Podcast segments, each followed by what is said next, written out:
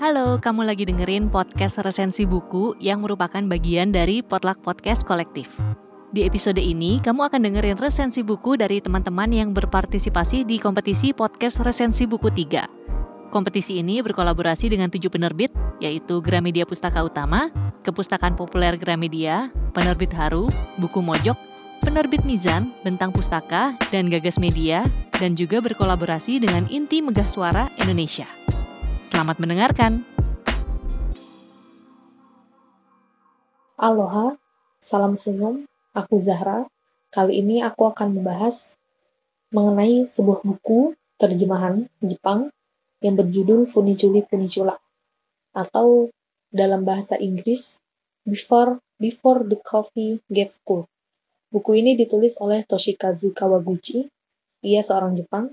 Kemudian diterbitkan oleh Gramedia Pustaka Tebal buku ini 224 halaman dan bergenre slice of life, yaitu tentang kehidupan, kemudian juga bergenre fantasi, yaitu menceritakan tentang time traveler.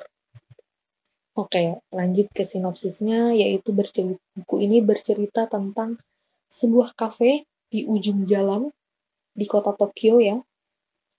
Kafe ini yang mana bisa membawa seseorang, seorang pengunjung, menjelajahi waktu.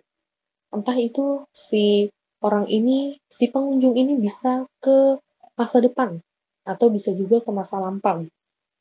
Ya, cerita ini terbagi menjadi empat bagian.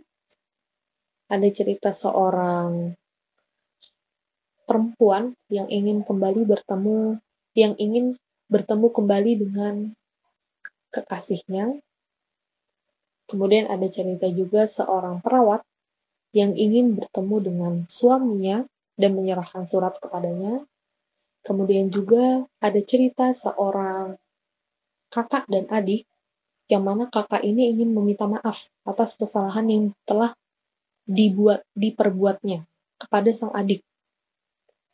Dan juga ada cerita tentang seorang ibu yang ingin melihat anaknya di masa depan.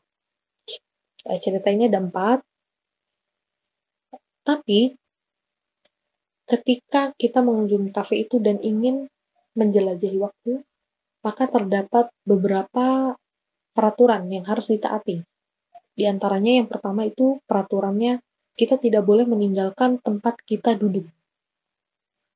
Jadi kita harus duduk di situ dan tidak meninggalkan tempat itu. Dan yang kedua, apa pun yang mereka lakukan di masa yang didatangi, entah itu masa lampau atau masa yang akan datang, itu nggak akan pernah bisa merubah kenyataan di masa kini. Jadi ya salah saja, nggak bakal merubah, cuma bisa kembali ke masa lampau atau pergi ke masa depan. Dan yang ketiga, ini yang paling penting adalah mereka harus menghabiskan kopi khusus yang disajikan di depan mereka selagi mereka sedang menjelajahi waktu sebelum kopi itu dingin. Jadi ini sinopsis ceritanya. Kemudian untuk kelebihan dan kekurangannya ya, menurut aku tuh kelebihannya uh, pergantian alurnya tuh bisa dipahami. Jadi misalkan di paragraf ini, ini alurnya maju, berarti di masa depan di paragraf ini kelihatan, oh ini alurnya mundur, jadi ke masa lampau. Itu yang menurut aku. Kemudian ada juga, uh, walaupun alurnya agak lambat,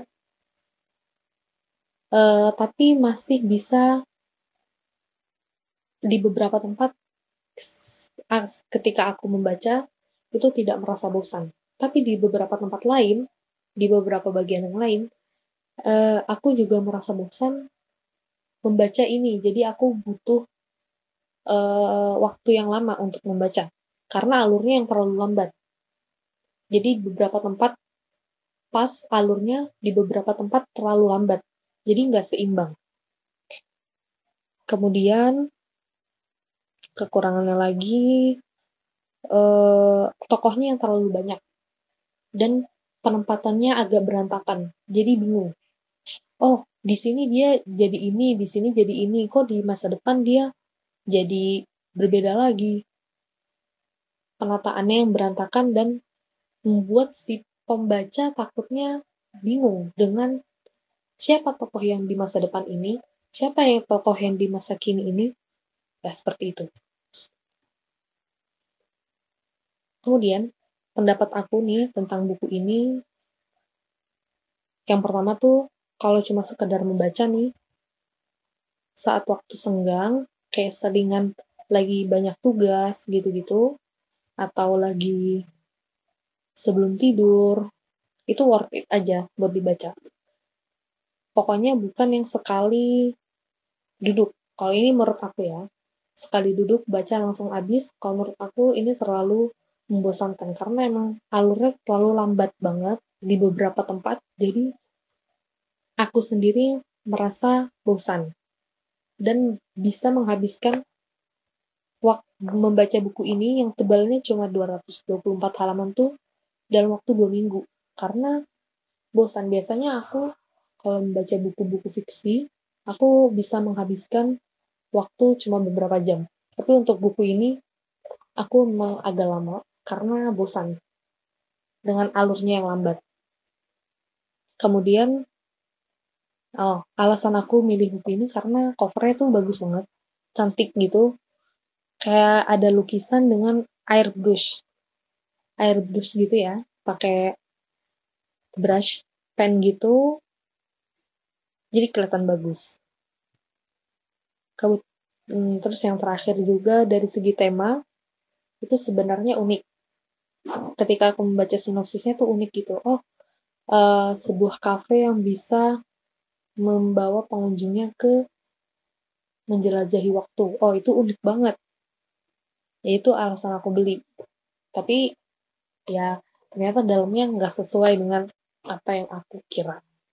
Ya mungkin itu aja sih resensi dari aku. Semoga bermanfaat. Terima kasih.